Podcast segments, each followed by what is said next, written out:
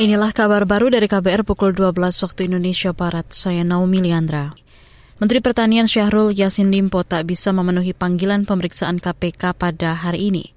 Sedianya ia akan diperiksa KPK terkait dugaan penyalahgunaan surat pertanggungjawaban SPJ, gratifikasi dan suap di Kementan pagi tadi. Dalam surat keterangan yang diterima KBR, Mentan meminta penjadwalan ulang lantaran kini sedang berada di India untuk menghadiri acara Menteri Pertanian G20. Syahrul menyatakan ia akan berkomitmen untuk kooperatif dan memenuhi panggilan pemeriksaan tersebut. Saudara, KPK tengah mengusut dugaan korupsi di Kementan yang salah satunya diduga menyeret Syahrul Yasin Limpo. Dia diduga terlibat penyalahgunaan surat pertanggungjawaban SPJ, gratifikasi, dan suap. Sejumlah pihak yang tidak disebut identitasnya telah dimintai klarifikasi. Berdasarkan informasi hasil gelar perkara, pimpinan KPK menyepakati Yasin Limpo dan dua pejabat Kementan lain sebagai tersangka.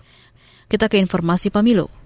Lembaga Hikmah dan Kebijakan Publik LHKP pimpinan pusat PP Muhammadiyah meminta Komisi Pemilihan Umum KPU membenahi sejumlah permasalahan terkait pemilu 2024. Apalagi MK sudah memutuskan sistem pemilu tetap terbuka. Sebab menurut Ketua LHKP PP Muhammadiyah Ridho Alhamdi, pemilu dan pilkada serentak memiliki kerawanan yang besar.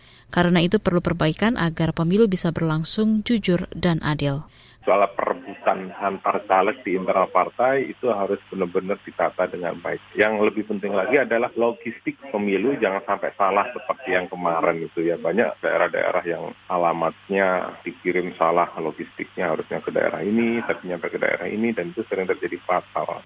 Ketua LHKP PP Muhammadiyah Ridho Alhamdi mendorong KPU bersikap dalam menjalankan peran dan fungsinya sebagai penyelenggara pemilu 2024. Saudara puluhan hektar areal hutan dan lahan terbakar di Aceh selama beberapa hari terakhir. Luasnya sekira 25 hektar dan tersebar di lima kabupaten di sana. Juri bicara Pusat Pengendalian Operasi Pusdalops, Badan Penanggulangan Bencana Daerah BPBD Aceh Besar, Iqbal mengatakan karhutlah terjadi di sejumlah titik di hutan lindung. Ia menduga salah satu faktor penyebabnya lantaran warga membakar sampah sembarangan yang mana lokasi lahan itu ada di pegunungan uh, radar Kecamatan Bintang yang mana lokasi tersebut juga seperti kita ketahui bersama sudah menjadi tempat ataupun objek wisata ya yang ada di sana yang wisata alam, wisata kuliner. Iqbal menghimbau masyarakat tidak membuang puntung rokok dan membakar sampah sembarangan di area hutan karena dapat memicu terjadinya karhutlah. Terlebih kondisi cuaca kemarau yang berpotensi menimbulkan kebakaran hutan dan lahan.